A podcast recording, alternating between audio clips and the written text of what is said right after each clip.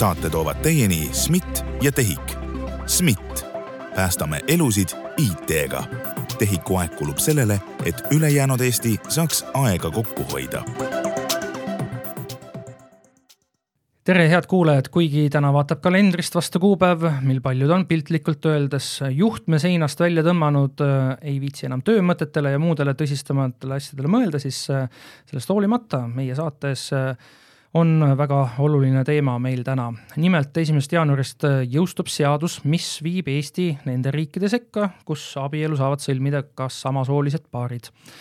tänases saates uurimegi seda teemat ja läbi äh, Äh, rahvastikuregistri ning Sotsiaalkindlustusameti iseteeninduse Prisma. Ja ühtlasi kasutan ära ka saatejuhiks olemise privileegi, võimalust ja küsin oma isikliku hiljutise kogemuse najal, et miks läks nii ja mida peaks siis tegema, kui üks kahest mainitud riiklikust e-teenusest ei toimi nii, nagu nad peaksid aga nagu ma ütlesin, teemaks on meil kaks, kaks e-teenust Mm, see tähendab seda, et ja kuna külalisi on kokku neli ja korraga nad meil stuudiosse ei mahu, siis saade on täna meil jaotatud äh, kaheks osaks. esmalt alustan vestlust ähm, Sotsiaalkindlustusameti perehüvitiste valdkonna juhi Pirjo Künnapuuga, tere, tere.! ning TEHIK-u tooteomanik Rutt Paadega, tere! tervist! Ning mina olen endiselt saatejuht Ronald Liive. ja nagu öeldud, siis äh, esimeses osas meie saates on fookuses Sotsiaalkindlustusameti iseteenindus kõige lihtsam küsimus vist ongi, et esimesest jaanuarist see samasoolistele paaridele võimaldav, sama, sama, samasooliste paaride abielusi võimaldav seadus jõustub, mis siis saab äh, Sotsiaalkindlustusameti iseteeninduse vaatest, kas kõik need võimalused, mis seal on praegu erinevast soost paaridele, laienevad koheselt esimesest päevast ka neile? Jah, suuresti küll, et äh, tegelikult juba täna äh, samasoolised paarid võivad olla meil toetuse saajateks. Ja seega juba täna nad tegelikult seda teenust kasutada saavad. Nii et põhimõtteliselt siis ongi meie saade nüüd läbi, et saime selle jah-vastuse, et mingit skandaali, probleemi ei ole, kõik te olete, kuna see uudis, et või tähendab, et seadus võeti vastu siin, millal ta nüüd oligi, kohe vaatan seda kuupäeva, see oli ähm, tänavu suvel. äh,, kahekümnendal juunil, et peale seda, kas te töötasite selles vaimuses, et nüüd peab väga palju hakkama arendusi tegema või selleks ajaks oli enam-vähem juba kõik olemas ja valmis ka? Äh, kindlasti arendusi on vaja teha, et äh, see, et me oleme valmis, äh, tähendab seda, et meil on üsna suur käsitöö hulk alguses ikkagi. et ka täna selline kontseptsioon nagu registreeritud elukaaslane on meil süsteemides olemas, seda tänu eeskätt sellele, et kohtupraktika ju on öelnud, et äh, registreeritud elukaaslasi tuleb kohelda nagu abikaasasid ja see lahendus on meil süsteemis olemas, et aga tuleb tegeleda siis nüüd selle poolega, et need andmed, ma mõtlen siin registreeritud elukaaslase andmeid need äh, hakkasid nüüd tulema ka rahvastikuregistrist ja see automaatne vastuvõtmine ja meie andmebaasis töötlemine ehk SKAIS2-s töötlemine, see vajab veel siis lahendust. kui kaua ta nii-öelda lahendust äh, ootab? Teil ei ole, kas teil on paigas mõni kuupäev, et vot selleks kuupäevaks nüüd peaks ikkagi süsteemid paigas olema ja selline käsitöö peaks lõppema? Äh, meie siht on esimene kvartal äh, nii saada toimima uus rahvastikuregistri andmevahetuse liides ja see arendus ka siis, et äh, seda registreeritud elukaaslase infot oskavad perehüvitise teenused automaatselt töödelda. kas see tähendab, et siis samasoolised paarid ei ole esialgu vähemalt mitte võrdväärses seisus nende paaridega, kes on erinevast soost? Nad on juba täna meil samas seisus nagu abikaasad. aga samas aga..., kui seal on, taustal on nii-öelda käsitöö, et kui, kui, kui mina kuskile login sisse ja tahan seal midagi teha, siis äh, ma kujutan ette, et see SKAIS2 on piisavalt äh, nutikas, taibukas, kiire, teeb selle hetkega ära, aga kui on samasooline paar, kui peab käsitööd tegema, siis peab ootama just nimelt see ootamine, mis te ütlesite praegu, et äh, siis võib olla lihtsalt see, et äh, see pakkumine ei ole sellesama äh, aja jooksul, et võib-olla sellel samal päeval ei ole, aga on päev hiljem. et käsitöö nüanss seal vahel tähendabki seda, et me saame küll rahvastikuregistrist andmed, nagu ka Rutt ütles aga see töötlus meie perehüvitiste proaktiivsetele pakkumustele ei hakka automaatselt, vaid meie ametnik siis selle pakkumuse koostab ise. see tähendab, et klient saab oma pakkumuse ikkagi endale õigustatud hüvitistele ja saavad eh, samasoolised paarid eh, seotult, aga lihtsalt seal ongi nüüd see, eh, see vahe võrreldes siis siis teise, teistsuguse perega, kus see siis tuleb automaatselt kas see käsitöö tähendab ka seda, et Sotsiaalkindlustusamet pidi või peab palkama endale ajutiselt äh, või jäädavalt inimesi juurde? ei, hetkel mitte. nii et olemasoleva personali najal te näete, et äh, selle massiga, mis potentsiaalselt võib tulla, kuna me oleme seda pikalt oodanud, et äh, saate hakkama? jaa, et tegelikult täna juba meie poole on pöördunud ka kliendid aga ennekõike just sellepär-, selles vaates, et ähm, peretoetused täna ei näe sellist võimalust äh, saada hüvitisi, aga esimesest jaanuarist näevad, et äh, peretoetuste vaates just, et vanemahüvitises on see säte tegelikult juba pikemalt kehtinud, et õigustatus on mõlemal. Te tegelikult mainisite juba meie üsna vestluse alguses, et, et juba praegu on kõik see võimalik olemas. oskate te ma küll ei öelnud, et ma küsin statistikanumbreid, aga oskate puusalt tulistades öelda, et kui palju on kasutatud seda võimalust siis samasooliste paaride puhul, et äh, Sotsiaalkindlustusameti iseteeninduses mida iganes seal teha, kõiki neid võimalusi kasutada? praegu on need arvud äh, väga väiksed, et äh, jäävad sinna kümne piiris. kas teile on tulnud selliseid pöördumisi, et kuulge, palun andke nõu, kuidas, mida nüüd teha või, või inimesed oskavad need kümne piires, on nad ikkagi ise osanud, saanud hakkama selle süsteemi kasutamisega? Me oleme ikkagi toetanud neid. et just nendes valikutes ja, ja hüvitistes, et, et kuna sealt hetkel ei ole just õiguspoole pealt sellel aastal veel kõiki hüvitisi, mida siis ähm, samasoolised küll saavad, et aga seal on selle perekonna äh, seaduse järgi praegu ei saa kõik Äh, kooselulepingu sõlminud äh, pered peretoetusi veel, sest et äh, see jõustub esimesest jaanuarist kakskümmend neli ja selles valguses on küsimusi olnud. aga siis esimesest jaanuarist kakskümmend neli, nojah, ma oleks tahtnud küsida selle, et kas ongi nii, et meil uus aastanumber tuleb ette, kell on null null null üks, anname selle ühe minuti aega ja siis kõik toimib, aga me juba saime vastuse, et ikkagi see käsitöö on seal esialgu mängus, aga kui nüüd need arendused esimeses kvartalis saavad valmis, kas siis on põhimõtteliselt nii, et nemad logivad sisse ja saavad näiteks seal peretoetusi, kõike muud planeerida nii nagu kõik teised? jaa, kindlasti, täpselt, äh, kui need andmed meile rahvastikuregistrist tulevad, siis äh, see põhimõte on sama nagu abikaasade puhul, ka samamoodi siis registreeritud äh, elukaaslaste puhul. et Äh, ja kui rääkida nüüd siis äh, lapsetoetustest, et äh, siis äh, need, kas on, keegi on kellegi abikaasa või registreeritud elukaaslane, et need on seal nii-öelda teisejärgulised teadmised. et kõige olulisem on see, kellel on siis õigus äh, lapse eest äh, hoolitseda ehk hooldusõiguse lugu. aga neist lapsetoetustest rääkides, siis äh, näiteks praegu olukorras, et kui ähm, lapse isa soovib äh, siis äh, lapsega koduseks jääda, ehk siis seda vanemahüvitist endale saada äh,, siis äh, noh, seal on ühesõnaga valikud, mis peab kõik tegema ja siis seal peab ka teine, eks lapse ema peab otsustama, et äh, jah, ta annab vanemahüvitise isa kätte. kuidas äh, samasoolise paari puhul, kus on kaks meesterahvast, kuidas see seal nagu lahendatud on? Tegelikult esmasel taotlemisel nõusoleku küsimist ei ole, aga see valikuvõimalus on olemas. et äh, nõusoleku küsimine on siis, kui keegi juba saab hüvitist. et siis on ta kohustuslik seadusest tulenevalt, aga, aga esmakordselt tegelikult pere otsustabki, sellepärast me saadamegi ka seotud pakkumuse mõlemale siis hooldusõigust omavale isikule, edaspidi on õige öelda, ja, ja siis otsustavad nemad, kes milliseid hüvitisi saama hakkab. Ja kui see otsus on äh, langetatud, siis selle valikuga, et kes siis on saaja, tegelikult äh, algabki niinimetatud hüvitiste määramine ja seda on võimalik siis aja jooksul äh, vahetada. Kuigi need toetused on tegelikult, kui nii-öelda detailides süübida vaadata, siis nad on üsna sõnastuse mõttes sooneutraalsed, meil on tegelikult vanemahüvitis, see, mida suurem üldsus alati arvab, et on emapalk, tegelikult vanemahüvitis, aga üks asi, mis seal ei ole sooneutraalne, on isapuhkus. Ja et äh, ongi olukorras, kui isa jääb lapsega koduseks, siis tema peab isapuhkuse eelnevalt välja võtma. kuidas samasooliste paaride puhul see küsimus lahendatud on, kas see tuleb mängu, see isapuhkuse nimi kaob ära ja muutub see sooneutraalsemaks vanemapuhkus?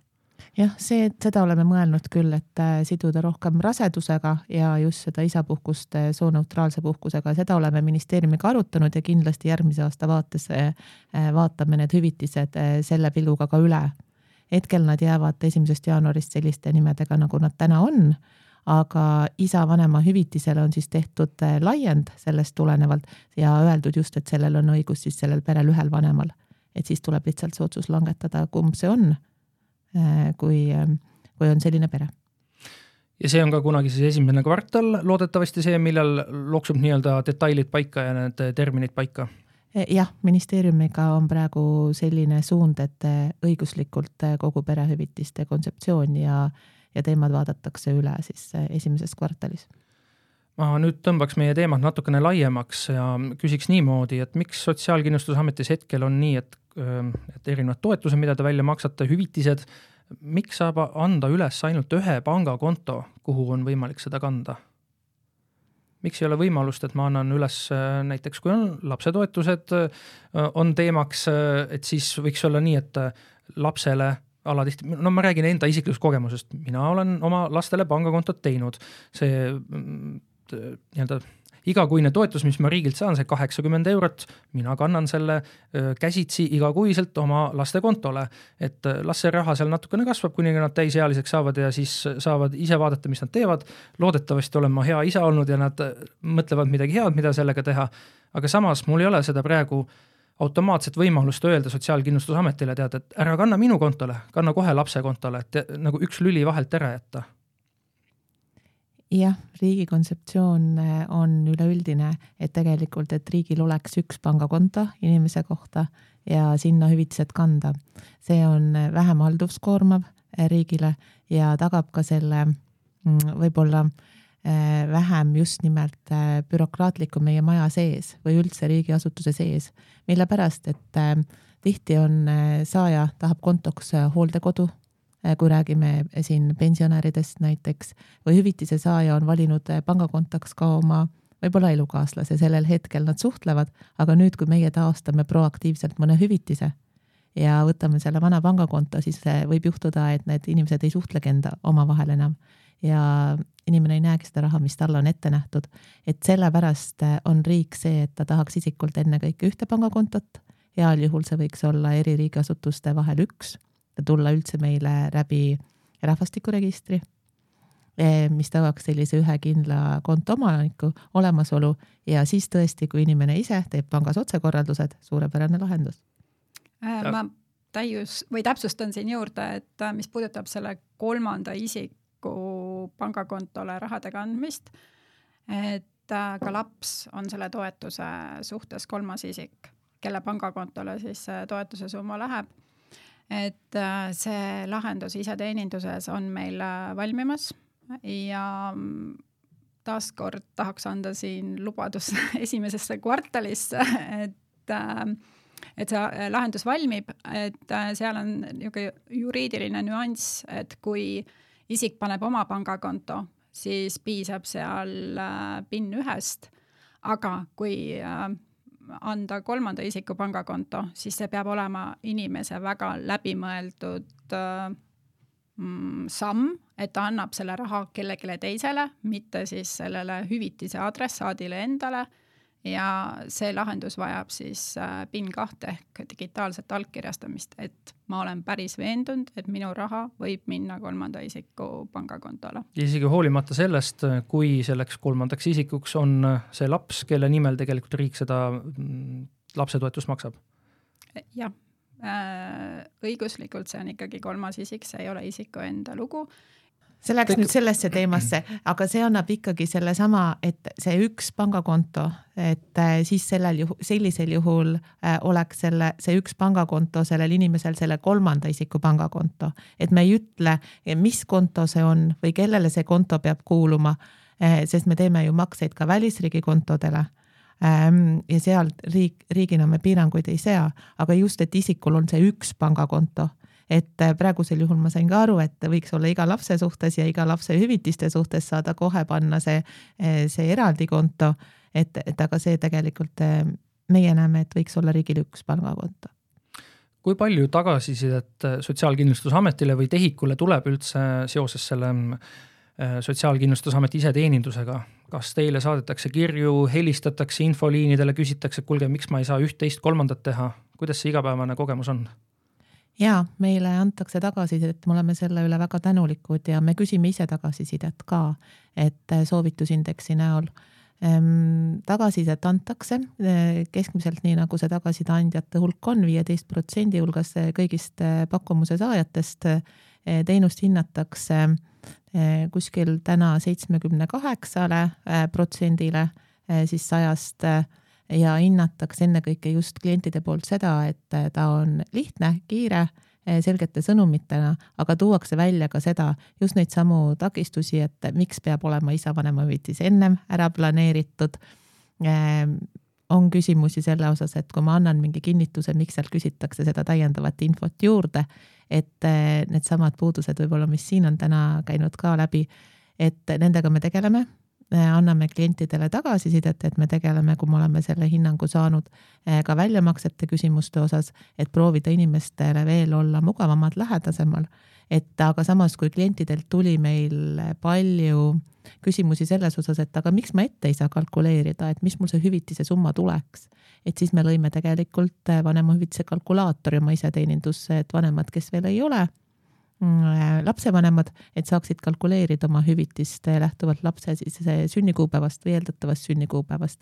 et me tegelikult arvestame väga oma inimeste soovidega ja proovime kõik teha selleks, et äh, iseteenindus oleks neile mugav ja selline, millisena nad seda soovivad näha kuidas TEHIK-u vaates, kas teile tuleb ka tagasisidet või kas te üldse ootate seda või te pigem ütlete, et suhelge Sotsiaalkindlustusametiga, et see on tegelikult nende teenus pigem see tagasiside tuleb ikkagi Sotsiaalkindlustusametile, sellepärast et äh, teenust ju pakuvad nemad ja, ja tegelikult tavaklient ei saagi aru, et äh, IT-lise poole eest vastutab keegi teine peale Sotsiaalkindlustusameti ja see on täitsa taotluslik, et Sotsiaalkindlustusamet on see nägu kliendile sel, nende riigiteenuste osas, mida Sotsiaalkindlustusamet öö, osutab aga Sotsiaalkindlustusamet äh, meie hea partnerina räägib meile kõik need vajakajäämised üle ja koos siis arutame, et millised teemad võiksid minna arendusse ja kus on siis äh, huvirühm või sihtrühm kõige suurem ja kliendile kõige suurem väärtus, et me just praegu analüüsime isa vanemahüvitise kuva parendamise võimalusi, et äh, meie isad jäävad seal natukene hätta jaa, väga hea võimalus, kuna te ise tõite selle välja, et jäävad hätta. mina olen üks neist isadest, kellel on hetkel see võimalus seda isa vanemahüvitist kasutada ja kui ma lähen äh, sinna iseteenindusse ja vaatan seda, kahjuks on nii, et ta planeerimise mõttes viimane kuupäev, mis seal hetkel oli eilse seisuga, kui ma eile vaatasin, oli kuues veebruar kaks tuhat kakskümmend neli.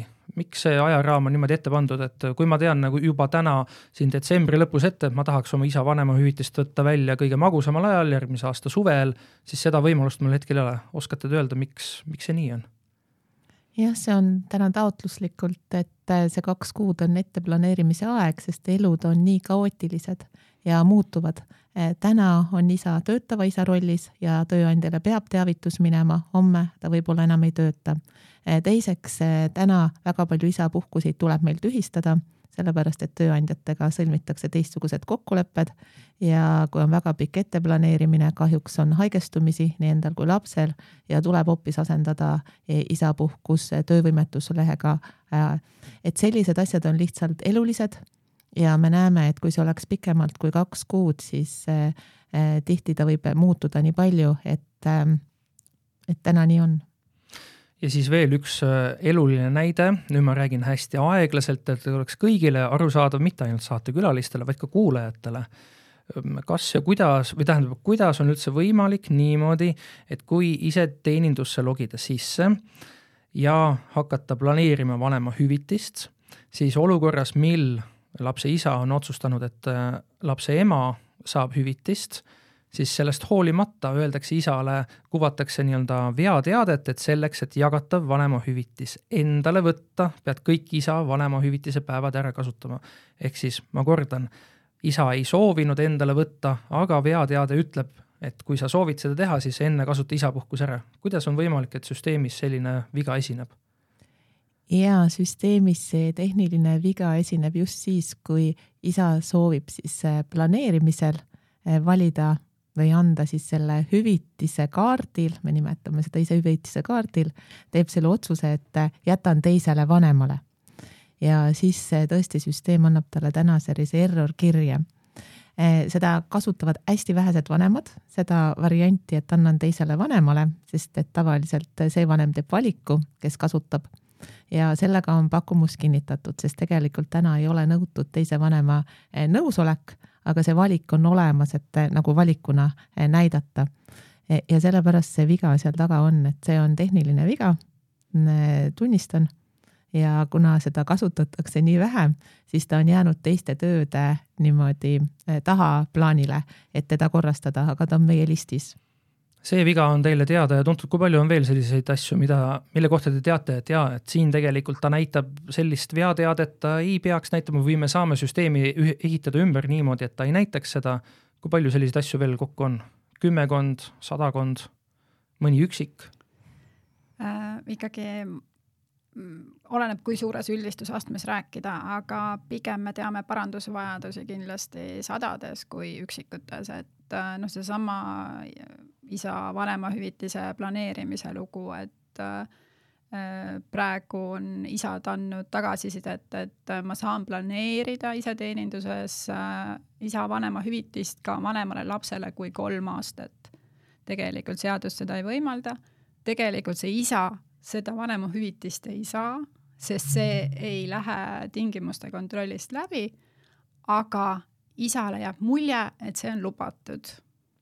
et Äh, selliseid kohti, kus äh, nii-öelda meie iseteenindus võib-olla annab natukene vale signaali või vale ootuse, kindlasti on või on segane ja nendega me tegeleme. mida te soovitate neile Sotsiaalkindlustusameti iseteeninduse kasutajatele, kes äh, näevad kas sellist veateadet, nagu ma välja tõin juba, ehk siis tegelikult teie jaoks on see teada-tuntud viga, minu jaoks, kuna ma ju igapäevaselt ei saa uuesti isaks, et on selline kord elus, võib-olla tuleb selline veateade ette kas on mõistlik sellisest asjast teha kuvatõmmis ja saata Sotsiaalkindlustusametile või TEHIK-ule või helistada kohe teie sinna infoliinile või kuidas peaks nagu käituma sellises olukorras? Me oleme hästi tänulikud, eh, kui kliendid tegelikult just teevad kuvatõmmised ja saadavad meile, sest tegemi-, tegemist on isiku vaates äh, päris rakenduses oleva veaga, mida tegelikult saabki meile kõige paremini edasi anda klient ise. sest meie ise saame seda näha testkeskkonnas Ehm, ja, ja siis imiteerides neid olukordi, aga kui klient ise toob välja need päris laivis olevad vead, mis talle silma jäävad ja tegelikult teda teenuses ei toeta, siis see on tõeliselt tänuväärne info ja kindlasti me ootame seda väga head kuulajad, kuna järgmised külalised juba vaikselt koputavad uksele, siis äh, siinkohal paneme väikse pausi äh,, sest meie saade veel jätkub, ärge minge kuskile kaugele. saame öelda suured tänud Sotsiaalkindlustusameti perehüvitiste valdkonna juhile Pirjo Künnapuule ja TEHIK-u tooteomanikule Rutt Paadel, kes andsid meile ülevaate sellest äh,, kuidas siis esimesest jaanuarist alates samasoolised paarid saavad hakata Sotsiaalkindlustusameti iseteenindust kasutama, ühtlasi saime ka natukene süübida äh, siis vanemahüvitise isapuhkuste temaatikasse, mis siis äh, Sotsiaalkindlustusameti iseteeninduse vaatest meile avaneb. nagu öeldud, väikene paus ja siis jätkame saatega analoogsetel või tegelikult täpselt samadel teemadel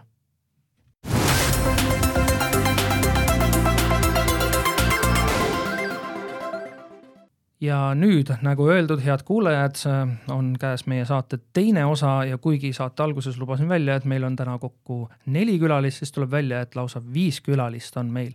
teema on meil küll sama, aga fookus on nüüd meil rahvastikuregistri peal. stuudiosse on jõudnud ähm, rahvastikuregistri menetlustiimi tooteomanik Marilyn Brants, tere! tere! siis on meil jõudnud ka rahvastikuregistri tooteomanik Rainer Kullarand, tere! Tere ka minu poolt. ning siseministeeriumi arendusnõunik Katrin Lehtpuu, tere. ja tere. ja nii nagu ma eelmiste külalistega alustasin, kui esimene jaanuar jõuab äh, kätte, kell on null null null üks, siis äh, kas ja millised võimalused samasoolistele paaridele rahvastikuregistrist kohe esimesel päeval, esimesel minutil äh, avanevad? noh äh,, esimesel minutil äh, kuna alustame kõigepealt sellest, et kui asju äh, panna nii-öelda laivi või teha teenus äh, kättesaadavaks inimestele, siis äh, seal taga on vaja teha teatud tööd ja ähm, see nõuab ehk siis inimese sekkumist, mitme arendaja tööd seal, ehk siis kohe esimesel minutil avaldust esitada ei saa. küll aga mm, see avaneb päeva jooksul ja kui me mõtleme sellele, et abielu sõlmimise nii-öelda tähtaja vaates on ju, mis on ilmselt nendele esimesel minutil äh, või esimesel võimalusel avalduse esitajatele nagu kõige olulisem, siis, ähm, siis see päeva, olenemata sellest, mis kellaajal nad avalduse esitavad, siis see tähtaja mõttes see päev jääb täpselt samaks. ehk siis see kolmkümmend päeva hakkab jooksma sellest hetkest, kui avaldus on esitatud. aga päeva jooksul luban, avame selle ja, ja kõik saavad oma avaldused ära esitada ja seda enam, et see on tegelikult ju kas pühapäevane päev? esmaspäevane, jah. see on küll jah, punane päev on kindlasti see riigipüha, jah ja. ja.. keegi otseselt nagu tööd ei tee, aga samas arvestades seda, et, et selline seadusemuudatus, seadusemuudatus esimesest jaanuarist jõustub, siis ma saan aru, et ikkagi keegi kuskil on korraks töömõtete juures ja, ja midagi seal aktiveerib, vajutab kuskil linnukese sisse, et see samasoolistele paaridele avaneks rahvastikuregistri kaudu võimalus siis oma äh, abielu äh, registreerida ja, ja, ja mitu, päris mitu inimest on sealjuures ja tegelikult nagu see annab eelise ka, et, et ava, avaldust esitama kohalikku omavalitsusse saab ju minna alles teisel kuupäeval, et nemad siiski esimesel kuupäeval ei tööta, ehk siis e-teenuse vahendusel on see ikkagi varasemalt olemas juba. aga kuidas esialgu on, kas äh, keegi nii-öelda, kui palju seal käsitööd on, sest äh, ma jah, viitan meie saate esimese poolele, tuli välja, et vähemalt Sotsiaalkindlustusameti vaatest esialgu, esimese kvartali jooksul on väga palju seal käsitööd. kuidas rahvastikuregistri vaatest samasooliste paaride puhul, kui palju seda niimoodi on, et keegi nüüd reaalselt ametnik kuskil peab üle vaatama ja kui palju on seda, et reaalselt süsteem juba saab aru ja, ja teeb automaatselt, nii nagu praegugi? avaldused saab võtta ikkagi automaatselt vastu pärast seda, kui äh, me oleme vastavad arendused laivi pannud et äh, see töö, mis siis tehakse esimesel jaanuaril ära arendusmeeskonna poolt, äh, hõlmab äh, just vastavaid kontrolle, kontrollide mahavõtmisi, nii nagu kokku lepitud on. aga siis, kui juba avaldusi esitada saab, eks ole, mis iganes minutil siis see jõuab, siis tollest hetkest enam ükski ametnik ei pea kontrollima, need jõuavad ilusti teisel jaanuaril tööle tulevate ametnike töölauale automaatselt mis põhjus on, miks te nagu konkreetset aega välja ei ütle, millal see esimesest jaanuarist see võimalus siis tekib või, või tähendab nii-öelda kasutaja vaatest see võimalus on kohe olemas, aga või?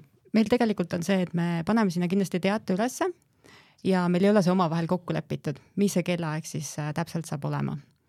et äh, seda peame natukene veel ootama. Rainer, ma küsiks teilt kui siis tooteomaniku käest, et äh, kas te olete rahul sellise olukorraga, kus siis esimesel jaanuaril peavad inimesed tööd tegema ja, ja neid liigutusi tegema, et kas, kas ei saaks niimoodi, et tegelikult, et juba praegu siin detsembri keskpaigas, et need asjad kõik oleks tehtud ja lihtsalt kuupäev kuskil süsteemis jookseb ja me ju teame, mis see kuupäev on, mis see kellaaeg on ja siis automaagiliselt asjad toimuksid ja et äh, ega me ju tagataustal tegelikult tehnilise poole pealt teemegi väga palju tööd juba praegu ära. aga üks põhjus on ka see, et noh, seadus meil lubab esimesest jaanuarist, eks ole, abielluda. Ja meil praegu on olemasoleva lahenduse kohaselt erisoolistele võimalik see abieluavaldus esitada, me ei saa neid kahte asja nagu kokku panna. et sellepärast meil on ka nii-öelda valitud see esimene jaanuar välja, et inimesed tulevad tööle ja teevad selle nii-öelda töö ära ja avavad selle võimaluse, me peame tehniliselt seal natuke jah, laivis vahetama välja nii-öelda funktsionaalsust. Ja see on see põhjus kas see ei või mõneti äh, osutuda väljakutseid äh, pakkuvaks äh, selles mõttes, et kui midagi läheb metsa, kuskil on, koodis on midagi valesti, tekst on kuskil valesti kirjutatud, siis esimesel jaanuaril saada nüüd kedagi teist veel appi endale, et olukord kiirelt ära lahendada. kas, kas me ei saaks oodata näiteks teise jaanuarini või siis ikkagi teha eelnevalt ära ja panna need klauslid paika seal süsteemis? no me ju tahame pakkuda võimalikult nagu täpselt ja võimalikult parimat lahendust esimesel võimalusel. et äh, see, kas midagi läheb valesti, noh, alati võimalus on, aga me teeme enda poolt kõik, et noh, meil on ju pre-live'i keskkond ja ja arenduskeskkond ka, kus me neid asju testime, läbi mängime, proovime. et loodame, et midagi väga valesti ei lähe. kas need läbimängud, proovimised on siis juba tänaseks päevaks ära tehtud? jaa, arenduskeskkonnas on see etapp nüüd läbitud. Teeme veel testimisi järgmises keskkonnas, enne kui toodangus saame liikuda siis esimesel jaanuaril see Riigikogus võeti seadus vastu kahekümnendal juunil kaks tuhat kakskümmend kolm ja jah, et jõustub esimesest jaanuarist, kas see tähendab, et kahekümnendal juunil või sellele päev järgnenud päeval hakkas juba töö vaikselt pihta, et, et rahvastikuregister oleks siis võrdväärselt kasutatav nii samasooliste kui erinevusest soost paaride puhul? Jah, seal ministeeriumis algas töö minu teada juba isegi varem. Natukene isegi varem jah, aga, aga põhiline töö, kuna tegelikkuses ei ole ju kunagi teada, kas see otsus tuleb või ei tule, siis äh, see põhifookus sellele teemale läks jah, pärast seda otsust ikkagi. Ja kohe, et eks see järgnev aeg sellest on hästi kiire olnud, et kõik ikkagi saaks nii, nagu vaja on. kas ähm, kuna me oleme ikkagi seda samasooliste abiellumise võimalust pikalt oodanud ja, ja seda võimalust ju tegelikult maailmas noh, üha rohkemates riikides pakutakse küll jah, aga mitte, mitte kõikides, siis potentsiaalselt võib tekkida olukord, kus nii-öelda huvi selle vastu esimesel päeval on suur. kas te olete sellega arvestanud, kas süsteemid peavad, peavad vastu sellele huvile? esimestel päevadel ehk siis e-avalduse esitamise võimekus portaalis Äh, täiskasvanud eestimaalastele, eks ole, samasoolised, et äh, ma usun, et see sihtgrupp nii suur ei ole, kui igapäevaselt tegelikult portaali kasutajaskond on. et see märgatavalt ei tõsta portaali kasutuskoormust. praegu käis läbi see, et äh, täiskasvanud eestimaalased, no sellest täiskasvanu teemast ma saan aru, eestimaalase puhul, aga, aga kuidas on see, et kui partner ei ole eestlane, on, on kuskilt mujalt pärit mm, -hmm kas see võimalus tekib ka kunagi sinna? Ehm, teatud juhtudel on ähm, ametnikul kohustus küsida lisadokumente, eriti just välismaalaste puhul ehk abieluvõimetõendid, millega siis kinnitatakse, et tal on õigus abiellu astuda. jah ja, ja nendel juhtudel äh, siis e-teenuse kasutamine ei ole võimalik, ehk siis äh, e-teenust saavad kasutada teatud, teatud tingimuste alusel äh, isikud, üheks tingimuseks on ka äh, mis on seadusest tulenev, et sul peab olema kuus kuud kehtiv Eesti elukoha aadress. ehk siis sealt võib tulla see erisus, miks äh, mõni inimene ei saa seda siiski kasutada. aga kui sellel välismaalasest partneril, ta on Eestis siin pikalt elanud, tal on isikukood ja kõike seda, kas siis ei ole lihtsalt nii, et toksib isikukoodi sisse ja, ja ongi kõik to, toimib ja töötab ikkagi? ja sellisel juhul saab. et siis ta liigitub eestimaalaseks, jah jah, võib-olla siin sõnastus äh, okei okay., millised võimalused veel siis esimesest jaanuarist või siis ütleme, et sinna lähiaega jääval ajal samasoolistele paaridele rahvastikuregistri vaatest avanevad? ainult e-teenuse vaates E-teenuse vaates äh, meil tegelikult rohkem teenuseid, äh, mis puudutavad samasoolisi, ei, ei ole planeeritud. nii et äh, lapse sünni registreerimine, kuidas see lahendatud on? Lapse sünni registreerimine samasoolistest, me saame rääkida sünni registreerimisest ainult samasoolistest naistest, kes on omavahel abielus.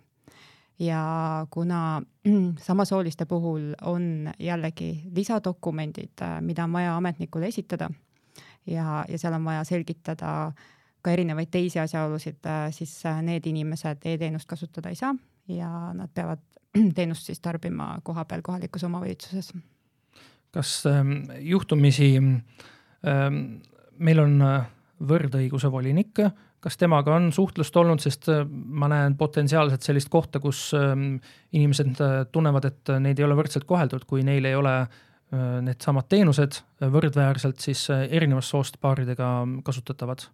kas selle peale on mõeldud? Ma nüüd nii täpselt sellele vastata ei oska, see on pigem nagu seadusemuudatuse juures olev, olev selgituse teema. aga ma tean, et Justiitsministeeriumiga on seda teemat kindlasti põhjendatud neile, et, et miks ta on selliselt lahendatud. võib-olla tulevikus äh, me muudame seda täpselt samamoodi nagu nende äh, välismaalaste puhul, kellel ei ole Eesti elukohta, et kui meil avaneb see võimalus digitaalselt dokumente saada, siis äh, tegelikult äh, võiksime me seda teenuse äh, teenuse kasutajate ringi selle võrra laiendada küll. aga seda siis ikkagi kunagi tulevikus, mitte kohe ja see, mis korra käis läbi, et, et see sünni registreerimise teema saaks tekkida ainult siis abielus olevate ähm, naisterahvaste puhul äh,, siis puht bioloogilises mõttes on see meeste puhul, kus see nii-öelda takistus tuleb ette, et miks seda võimalust seal ei saaks siis olla ja selle puhul siis ongi, et kohaliku omavalitsusega peaks, peaks äh, suhtlema äh, sa mõtled konkreetselt mehi nüüd? meeste puhul on see, et, et tegelikkuses saavad nad lapsevanemateks, kaks meest saada ainult läbi lapsendamise. et see on seadusest tulenev. okei okay. sedasama seadusemuudatust või seaduse jõustumist siis vaadates, kas rahvastikuregistris läheb ka midagi sooneutraalsemaks? Kaob ära kuskil ema, isa, tuleb äh, mängu siis sooneutraalsem äh, vanem.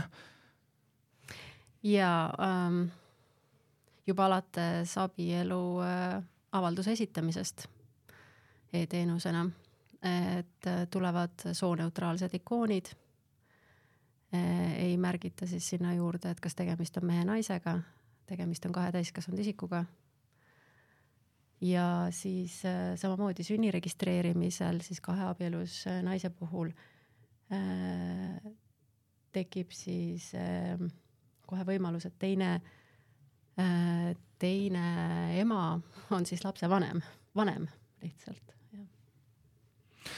ma nüüd aja, ajaks natukene meie vestlust laiemaks ja nii nagu saate esimeses pooles ka räägiks ähm, nii-öelda enda negatiivsest isiklikust kogemusest, kus ähm, mina ei saanud äh, värske lapsevanemana panna oma lapse sündi äh, ise kirja registreerida rahvastikuregistris. mingil põhjusel näidati mulle ainult erroreid selle peale ma saan aru, ega te ei oska mulle kohe nii-öelda öelda, et mis see põhjus oli, aga kas kuidagi sellises olukorras olevad äh, inimesed saavad äh, võtta ühendust mingise infoliiniga, üldmeiliga saata, et kuulge, oli selline olukord, miks nii oli, ma tegelikult tahan, et ma oleksin saanud seda teha ja te saate kuidagi minna süsteemi sisse ja vaadata logidest, et mis siis äh, valesti läks. Jaa äh,, käitumisjuhised sellises olukorras, kui rahvastikuregistri portaalis tulevad äh, teated, mis ei lase edasi, et äh, sealsamas portaali aluses on olemas nii üldine email kus äh, meie klienditoe spetsialistid siis vastavad pöördumistele. Äh, väga hea on kohe sinna kaasa panna ekraanipilt sellest, mis veateade tuli, millisel e-teenusel, mis sammus.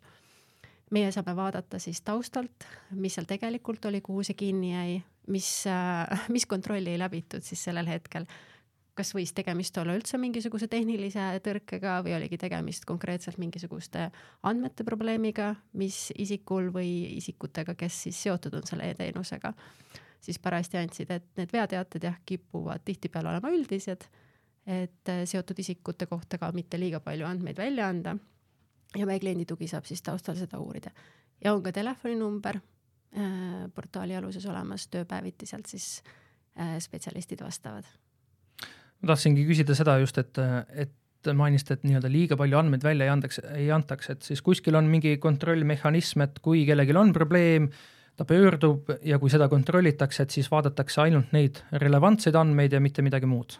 jaa, et kui tehakse päring rahvastikuregistrisse, siis andmejälgijas salvestatakse. Ja selle päringu kohta peab siis päringu tegija märkima ära ka põhjuse, mis põhjusel ta siis vaatas inimese andmeid kas teie hinnangul olukord, kui sinna telefoninumbrile, äh, mida te viitasite, mida rahvastikuregistri veebilehelt siis leiab, mis see telefoninumber on, et kui sealt öeldakse, et äh, aga las proovib lapse ema, kas see on vastus, mida aastal kaks tuhat kakskümmend kolm me peaksime kuulma või peaks see vastus olema midagi paremat?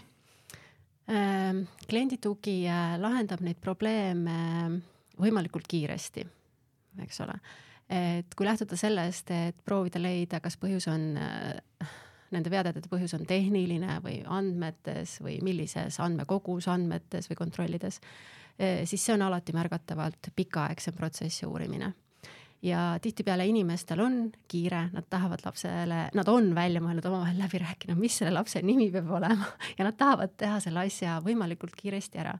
ja seetõttu pakutaksegi välja siis kiiremaid lahendusi esmajärjekorras, aga see ei tähenda, et ei võiks ka hiljem pöörduda ja teada anda siis, et mis teated need olid mis kuupäeval, kellaajal need tekkisid ja me saame siis uurida tagantjärgi ka neid põhjuseid. miks on abielus paaride puhul nii, et äh, peab ikkagi selle sünni ise seal käsitsi kirja panema, registreerima, mitte see ei toimu automaatselt või siis oleks nii, et logid sisse või tuleb sulle kuskile teavitus, et noh, palju õnne ja ole hea, pane nüüd linnukene, et kui sa oled kõigega siin päri ja nõus. miks on ikka nii, et peab ise, ise seda protsessi algatama? Seal on eelkõige ju nime küsimus, me igaüks tahame oma lapsele ise selle nime valida. Ja teine asi on see, et äh, riigina ei tahaks eeldada, et, äh, et noh, see võiks alati nii olla, et kui on abielus vanemad, et siis ka see äh, meesterahvas on selle lapse isa, aga tegelikult see alati ju nii paraku ei ole et, et tegelikkuses sünni registreerimise käigus toimub nii-öelda ka see isaduse omaksvõtt või siis vastupidi, välistamine, kui tõesti see abielus mees ei ole see isa. ja teine on, ei kolmas asi tegelikkuses siia juurde on ka see, et et meie e-teenus pakub ja kohaliku omavalitsuse ametnik kohapeal pakub neid selgitusi, mis siis kaasnevad lapse nii-öelda hooldusõigusega ja, ja mis on need sinu õigused ja kohustused siis äh, lapse suhtes aga see nime teema just äh, rahvastikuregistris on olemas ka see ma jään võib-olla õige vastuse võlgu, aga see on nimekontroll, et sa saad eelnevalt, enne kui sa lapsele nime ära paned, vaadata, et kas üldse sellist nime lastakse läbi, et kui sa tahad panna natukene liiga palju C-sid või Y-kuid või X-e või mida iganes sa soovid sinna panna. kas olukorras, mil nimekontroll on tehtud ja sinna on tulnud see roheline linnukene, kas siis ei saa kuidagi protsessi kiirendada või on ikkagi me arvestame sellega, et inimesed võivad oma meelt muud, muuta ja ei taha seda nime panna, mida nad on kontrollinud ja mille puhul on see heakskiit saadud noh, me siin hakkame rääkima juba nii-öelda automaatmenetlusest, mis äh, tegelikkuses meil kohe-kohe ka rakendumas on. ehk siis, äh, aga see ei tähenda, et äh, inimene ise ei peaks seda avaldust ära tegema. küll aga see vastus siis selle sünni registreerimise osas tuleb oluliselt kiiremini kui täna. et kui täna võtab ametnik selle avalduse, saab endiselt enda töölauale vaatab andmed üle, teeb kande rahvastikuregistrisse, mille järel siis äh, kodanik saab selle tõendi. aga automaatmenetluse puhul teeks, äh, teeb siis äh, süsteem kõik kontrollid ära ja kui kõik asjad on sobivad, lähevad läbi, siis tegelikkuses tehakse automaatotsus ning see on sekundite küsimus, millal siis sünd on registreeritud kohe, kui ema ja isa on vajutanud, vajutanud seda nuppu, et, et sünd registreerida. ja millal ta automaatseks läheb? Äh, osad, seal on nüüd ka erinevates etappidesse, aga kõige lihtsamad juhud siis lähevad esimesest jaanuarist, kui ma ei eksi, või siis vähemalt detsembri, detsembri jooksul, jaanuari alguses. kuidas või tähendab, tegelikult mind huvitab ka see pool, et jah, meil on tehtud see äh, lapsevanemaks saamine äh, seeläbi, et meil on olemas need e-teenused, kus saab lapse sündi panna kirja, kõik see nime teema, kõik, mis meil on läbi käinud ja, ja ka meie saate esimene pool, kus me rääkisime, mis siis edasi kõik hakkab toimuma riiklike e-teenuste vaatest. see on kõik nagu, ma ütlen ikkagi hoolimata sellest, et äh, võib olla negatiivseid kogemusi ka kellel iganes, siis see on ikkagi hea ja mugav, aga mis seal taustal nagu toimub, et kui inimene läheb, logib rahvastikuregistrisse, paneb kirja, et vot see, mina olen nüüd selle lapse isa, ütleme siis niimoodi. mis siis toimuma hakkab, kuidagi süsteem saadab äh, mm. -hmm. Ja, täitke lüngad nüüd, palun. et ähm, äh, ametnikud siis äh, kes seda sündi menetlema hakkavad vastavas äh, kohalikus omavalitsuses äh,, siis äh, hommikul võtavad oma töölaual äh, lahti need avaldused, mis on siis tulnud, näevad, et kes on isa, kes on ema selle avalduse peal, mis nime on soovitud, kontrollivad andmed üle, vaatavad, äh, kui on mingisugused kontrollid seal, mis vajavad veel täpsustamist, elukohad või dokumendid äkki või midagi, mis seal vanemate kohta on veel vaja täpsustada nimi on korrektne ja siis teevad, teevadki selle kande rahvastikuregistrisse ja see väike maimuke särab nende vanemate vahel pärast, kui jah, rõõmurullike saab endale toreda nime ja tõendi. ja see on kõik siis kohaliku omavalitsuse ametniku teha?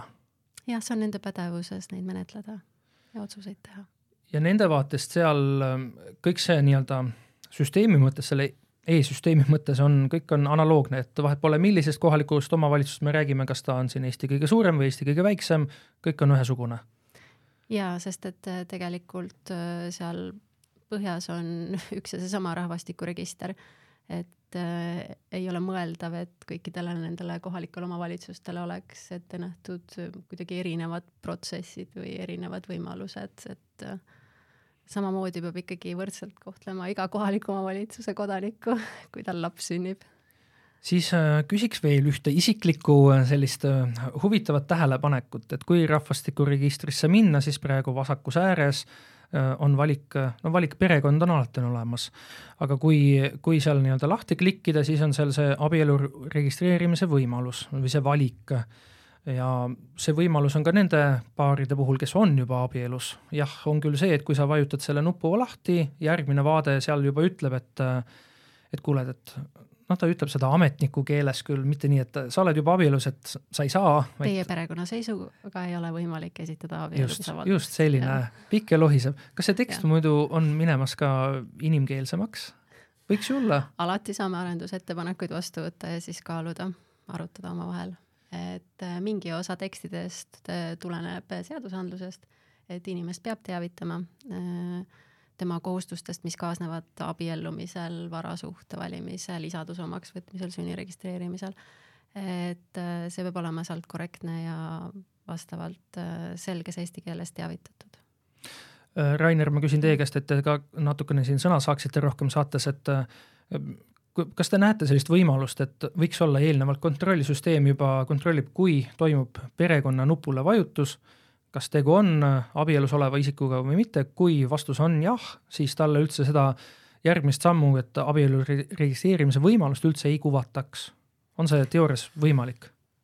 noh, võime siin teoritiseerida, aga noh, meil ikkagi, me tahaks ju kõiki kodanikke teavitada kõikidest võimalustest kogu aeg, et, et need võimalused välja tuua vähemalt, isegi kui see võib-olla ei ole nende jaoks antud hetkel silma all nagu tähtis näha, et siis tegelikult rahvastikuregister on nagu kõigile inimestele ikkagi tahame näidata neid võimalusi välja ka.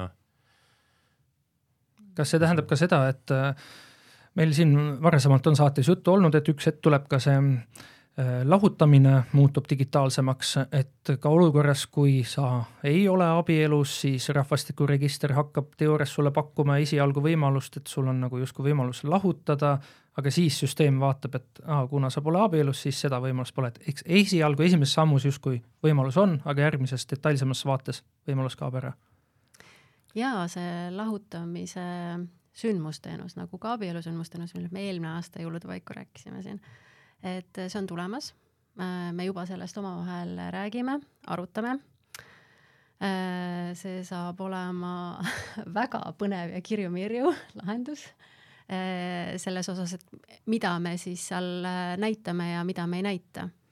et äh, lahutamise eeltingimuses, eeltingimuseks on, eks ole, see, et oleks abielus ja sellega me saame arvestada ja me saame ka sellega arvestada, et rahvastikuregister teab, kellega sa abielus oled, et selliste andmete andmine riigile, millest riik juba teab, et selle me saame juba arvesse võtta. Aga nüüd äh, selle juurde, et kui menüüs on näha perekonnal erinevad äh, noh, peresündmused siis, mis on võimalik teha elu jooksul, äh, selles osas oleme mõelnud pigem niipidi, et ähm, kui alustada portaalis, siis esimesel töölaual on näha kõik su avaldused, mis iganes teenuste lõikes. aga kui minna siis sinna vastavasse menüüsse perekonna alla, siis näiteks äh, lapse sünni all oleks näha koondatult need lapse sünniavaldused, mida sa võib-olla oled teinud või abikaasa on teinud, eks ole, ja sina nõusoleku andnud ja mm, abielu, abielu all ja lahutuse all siis samamoodi, et võib-olla sa oled esitanud selle abieluavalduse, aga sinu partner on selle tagasi lükanud, et sinu käepalumispalvele eitavalt vastanud, et äh, sellistel juhtudel siis on võimalik teenuse kaupa seal teenuse alamlehel menüüs näha neid avaldusi koondatuna ka, et nad ei ole siis täitsa avalehel niimoodi kronoloogiliselt sul seal ees, vaid saad ka minna detaili.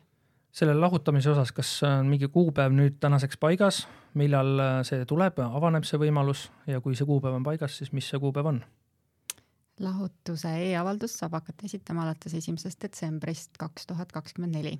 see on seadusest tulenev jällegi eelmine kord, kui me tõesti siin stuudios kohtusime, rääkisime analoogsetel teemadel, mitte küll nii palju siis samasoolistest paaridest, kuna too hetk ei olnud ju seadust vastu võetud, oli äh, televiisoris üks populaarne saade, kus üks kaunitar otsis endale kaaslast ja siis ma küsisin, et mis saab siis sellises olukorras, kui too avaliku elu tegelane hakkab saama palju e-abiellumise neid avaldusi. kas süsteem on, on nagu kuidagi valmis selleks, kuidas nüüd kogemus on, kas on juhtunud sellist olukorda, kui, kus väga palju tahetakse mõne vallalise kaunitariga abielluda? ja et äh, psühholoogiliselt äh, hetkel me oleme suutnud ennustada kasutajate käitumist ja leida need nüansid siis, äh, mis suunavad kasutajat mitte selliseid mm, nalju ja mitte tõsiseltvõetavaid äh, avaldusi tegema.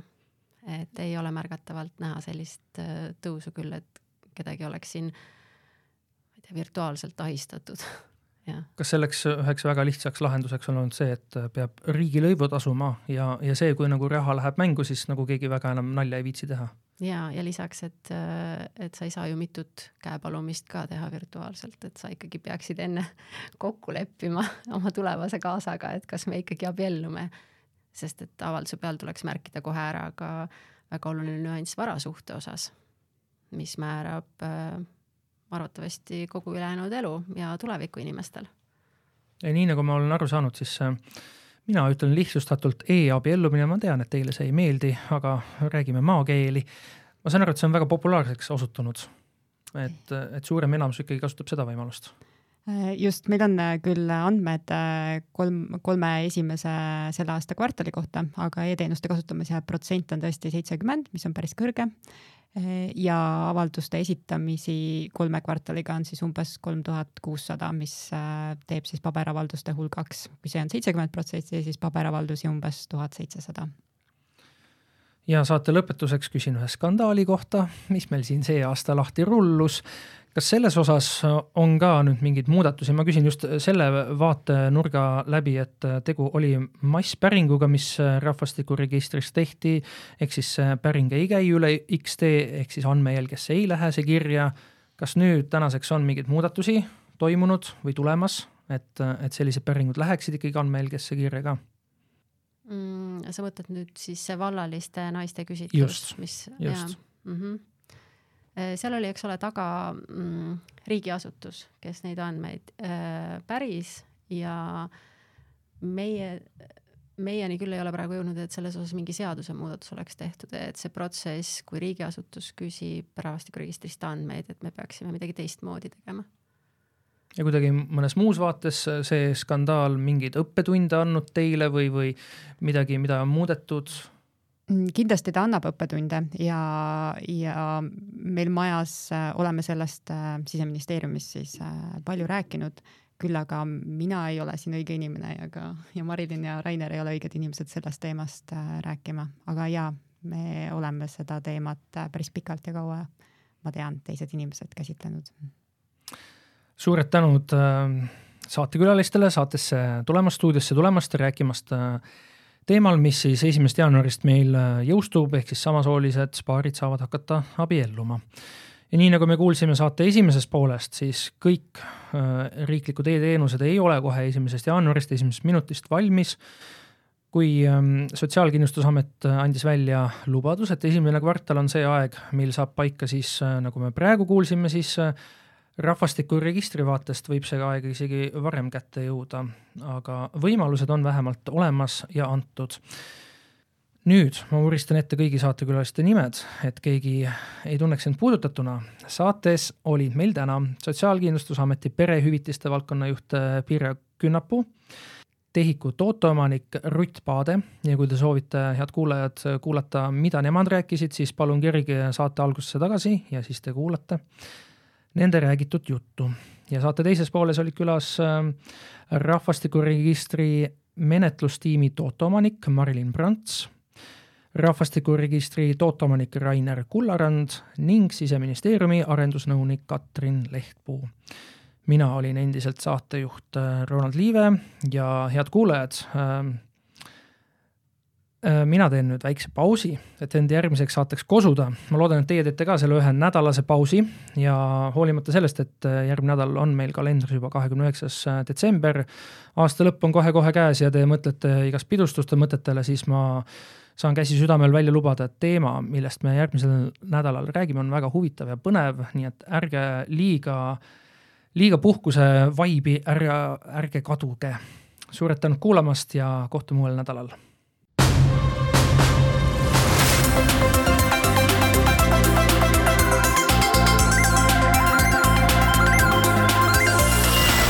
Saate toovad teieni SMIT ja TEHIK.